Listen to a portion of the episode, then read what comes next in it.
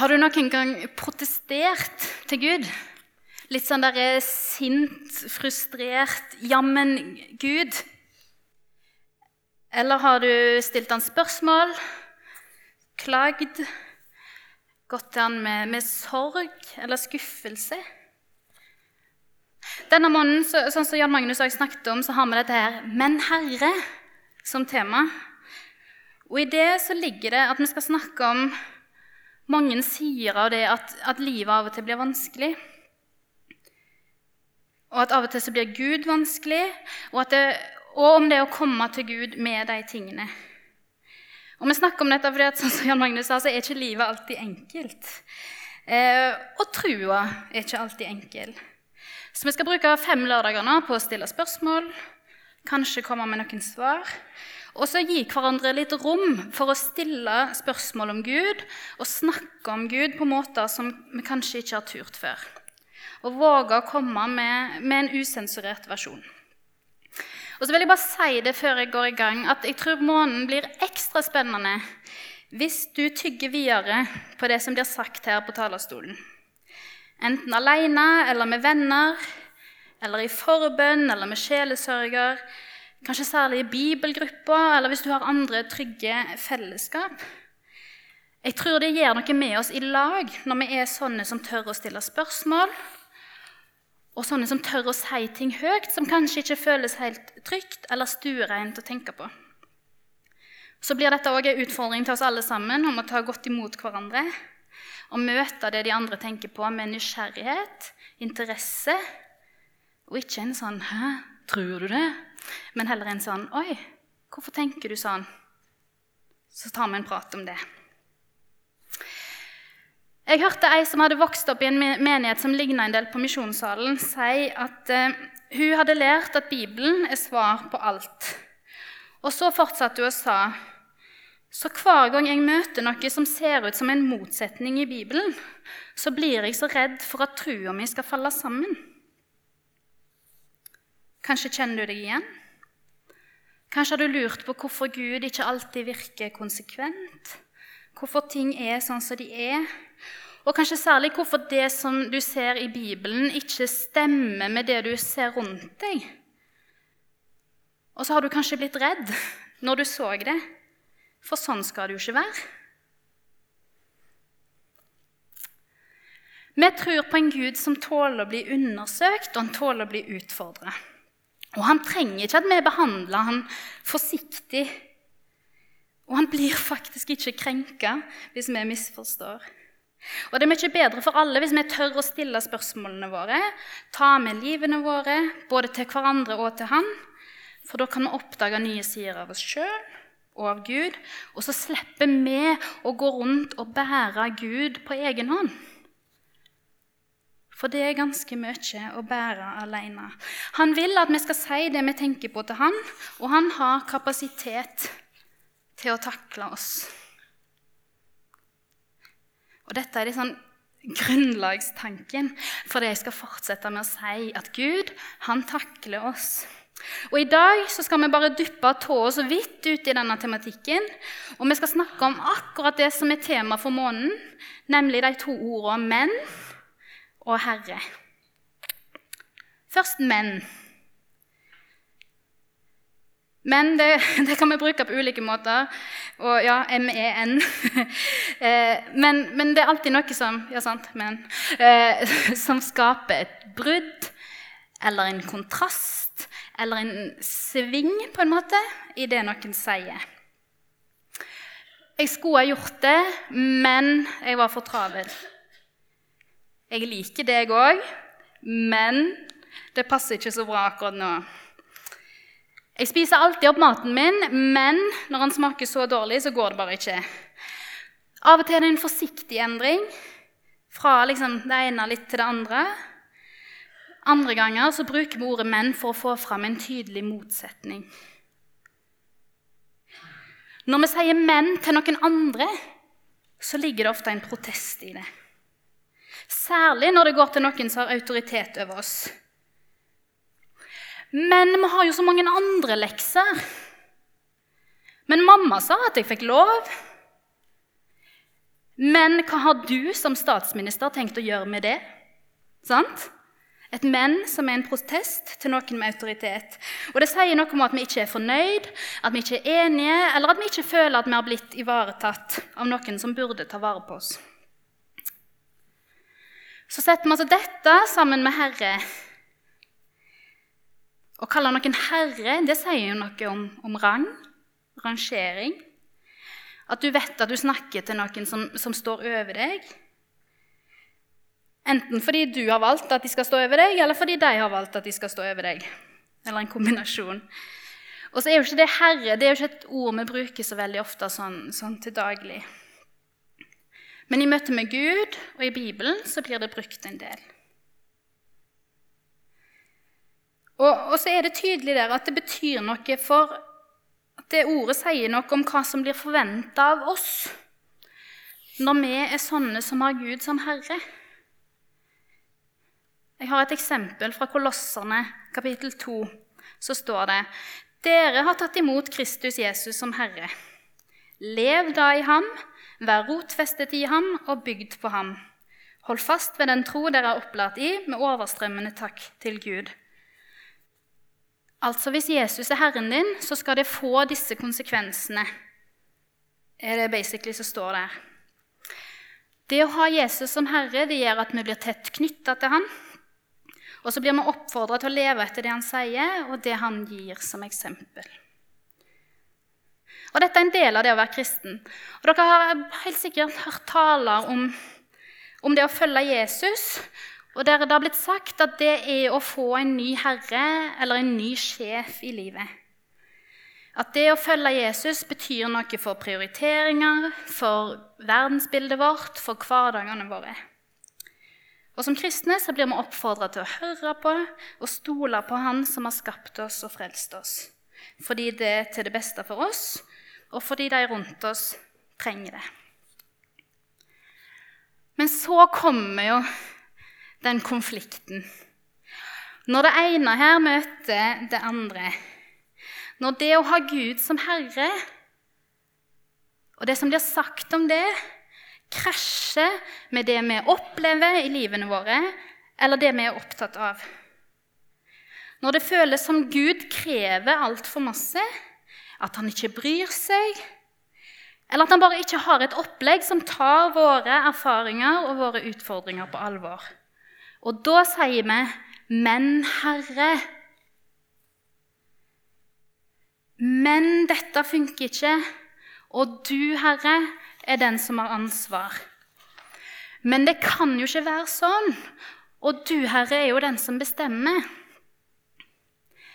Men jeg har det vanskelig, og jeg syns det er vanskelig å følge deg, Herre. Og så kanskje en parentes, men enn så lenge så gjør jeg det fortsatt.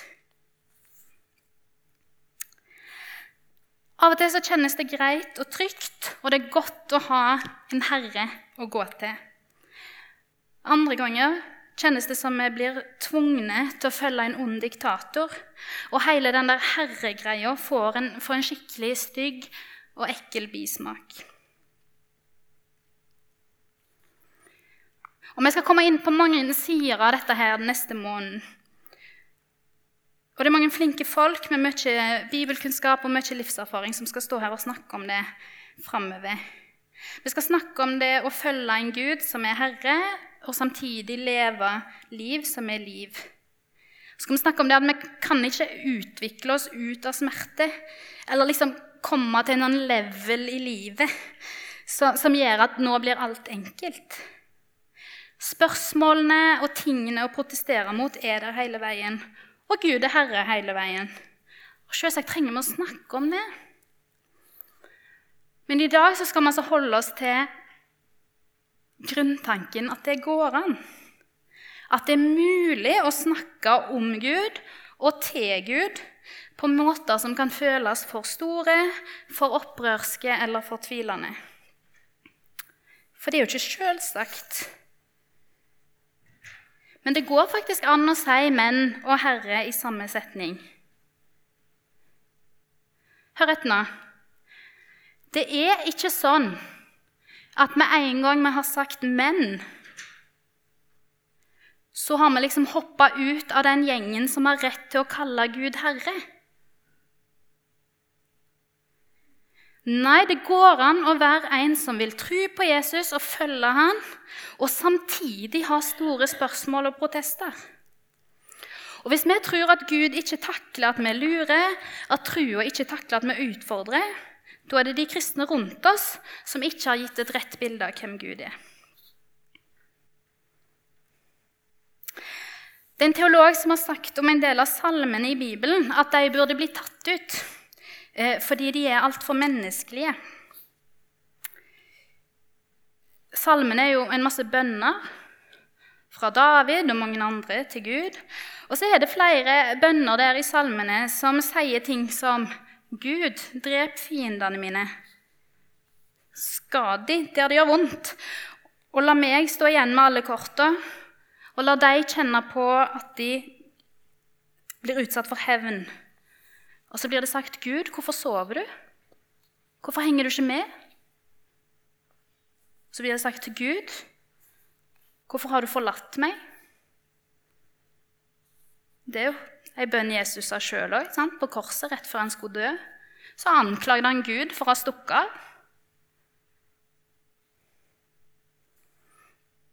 Men disse bønnene altså, var altfor menneskelige for denne teologien. Og, og, og, den påstanden der, det ønsket om å sensurere Bibelen, er et eksempel på holdninger som gjør at vi får et altfor smalt bilde av hva Gud takler. Må vi sensurere oss sjøl? Må vi være mindre menneskelige for å få plass hos Gud? Er det sånn? Nei, Det blir jo helt rart. Gud vet jo at vi er mennesker. Det er jo han som har skapt oss som det. Og han er interessert i alt det menneskelige vi har. Og akkurat de salmene for eksempel, og mange andre tekster i Bibelen viser viktige ledere som var utvalgt av Gud og utrusta av Gud, som protesterer, som sier ifra, som ber Gud om å ombestemme seg og sier at nå må han skjerpe seg. Og så sier de dette er ikke typisk deg, Gud, nå må du ta deg sammen her, og du må stille opp. Og De ble ikke fratatt ansvaret og lederoppgavene sine for det. De ble ikke sett skeivt på. De var mennesker som møtte Gud, og Gud møtte dem. Men altså, gjennom hele historien til kristendommen så har det vært teologer, og filosofer, og prester og bibellesere som har sagt en variant av det at, at noen bønner de blir liksom for menneskelige. At det er liksom en del av menneskelivet som ikke passer inn i det åndelige livet. Det åndelige det er liksom rent og litt sånn abstrakt og ryddig.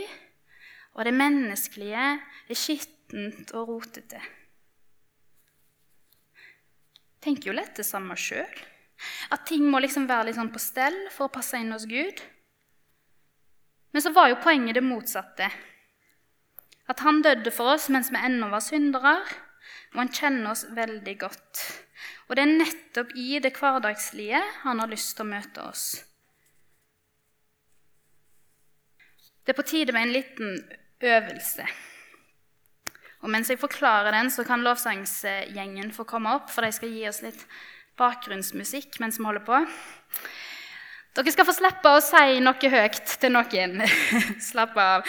Men jeg vil at dere skal tenke på hva deres sånn men-herre-spørsmål er.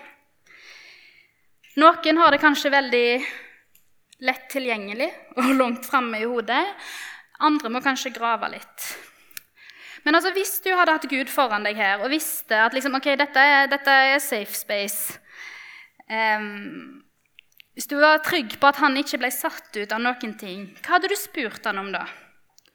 Hvis du ikke skal bli begrensa av at det føles for konservativt eller for liberalt, for stygt eller for voldsomt, for unormalt eller blasfemisk, hva ville du sagt til Gud da? Kanskje vil du spure nå, ja, nå kommer det noen eksempler bare for å sette dere på sporet. Kanskje hadde du spurt om noe han, eller det om noe om han, eller det han gjør eller ikke gjør. Hvorfor var du ikke der når venninna mi ble sjuk? Hvis du elsker alle, hvorfor lar du noen gå fortapt bare fordi de er født på feil plass på jorda? Hva er greia med at du dreper tilfeldige folk i Bibelen? Hvorfor krever du så mye av oss? Kan du ikke gjøre det enklere å være kristen? Eller bryr du deg bare ikke? Eller kanskje ville du tatt opp ting som du har møtt i kontakt med andre kristne? Hvordan kan de som skal kjenne deg, den som er barmhjertig og kjærlig og alt det der, oppføre seg så dømmende og avvisende mot andre og mot meg? Hvorfor lot du den som oppførte seg sånn mot meg, være leder? Hvorfor lot du han representere deg? Hva med alt jeg har blitt pusha til eller sett ned på for i menigheten? Eller kanskje du hadde spurt om ting du har opplevd eller tenker på? Kan du ikke bare fikse sånn at jeg ikke har det så vanskelig? Folk sier at alle er verdifulle, men hvorfor har ikke jeg nære venner som vil være med meg? Hva skal jeg si til vennene mine som tar valg jeg tror du ikke liker? Hva gjør jeg når det å følge deg koster mer enn det jeg vil gi? Hva skal jeg mene om alt det som, som skjer i samfunnet og i debattene rundt meg? Hvorfor passer ikke jeg inn blant alle de som følger deg og brenner for deg?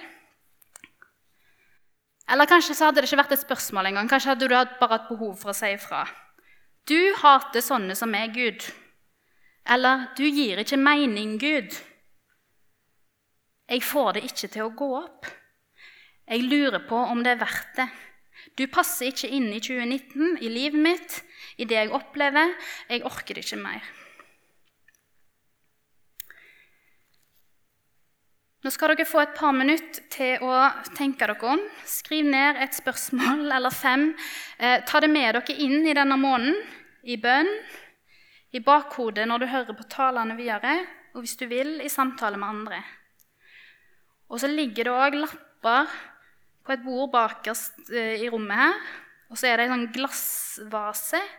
Og hvis dere vil, så kan dere gå etter talen når vi har lovsang og forbønn og sånn, og skrive spørsmålet deres der på en lapp og legge det oppi den vasen. Og så kommer Jan Magnus til å se på dem for å få et inntrykk av hva folk går og lurer på. Det er ikke en garanti for at alt blir svart på, men det er en måte å si at dette er et tema som, som vi som går her i MUF, er opptatt av. Da tenker vi litt, og jeg oppfordrer dere til å faktisk notere noe på mobilen eller hvor som helst.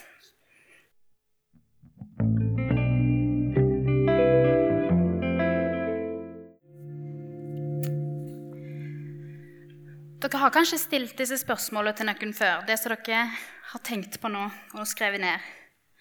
Og dere har kanskje fått forskjellige svar. Jeg håper i det minste at dere ble møtt med Svar og samtale, ikke bare avvisning.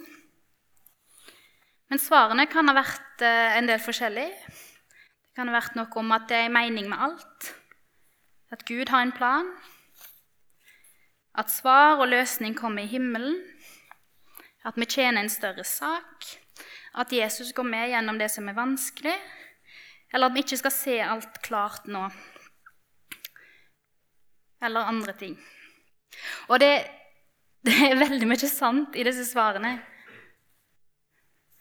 Eh, og Gjennom de neste ukene kommer vi til å snakke om flere av disse og vise håpet og løsningene og retningene som ligger i flere av disse tingene.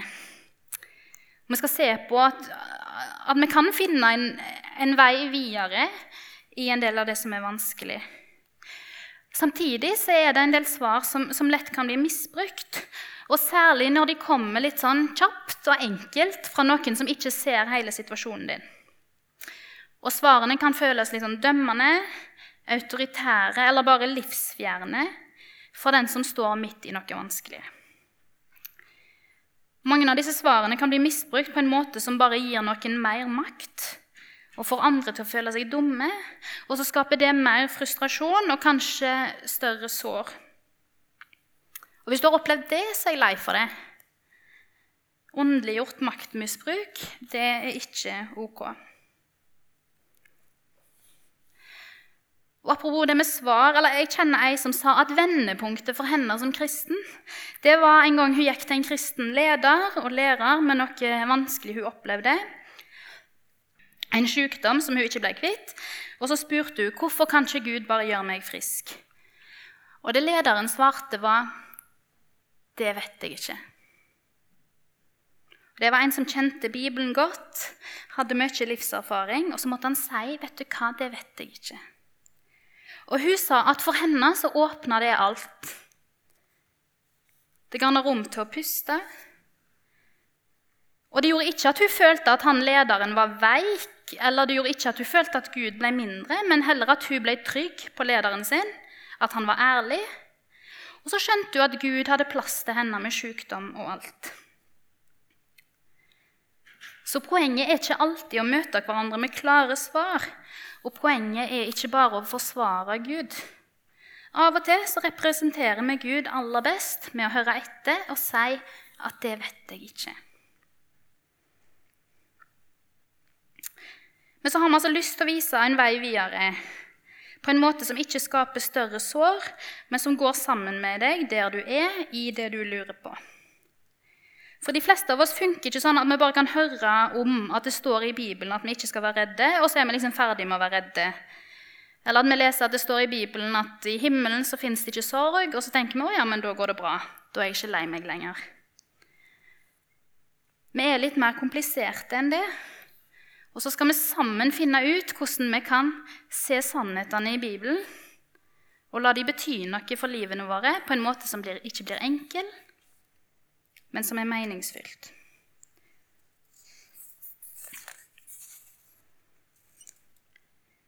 Det står i Galaterbrevet at vi skal bære hverandre sine byrder.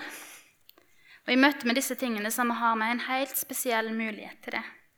Og Jeg håper at vi kan ta med oss spørsmålene våre sammen og prøve å se om vi kan finne noen svar, retninger, trøst i Bibelen.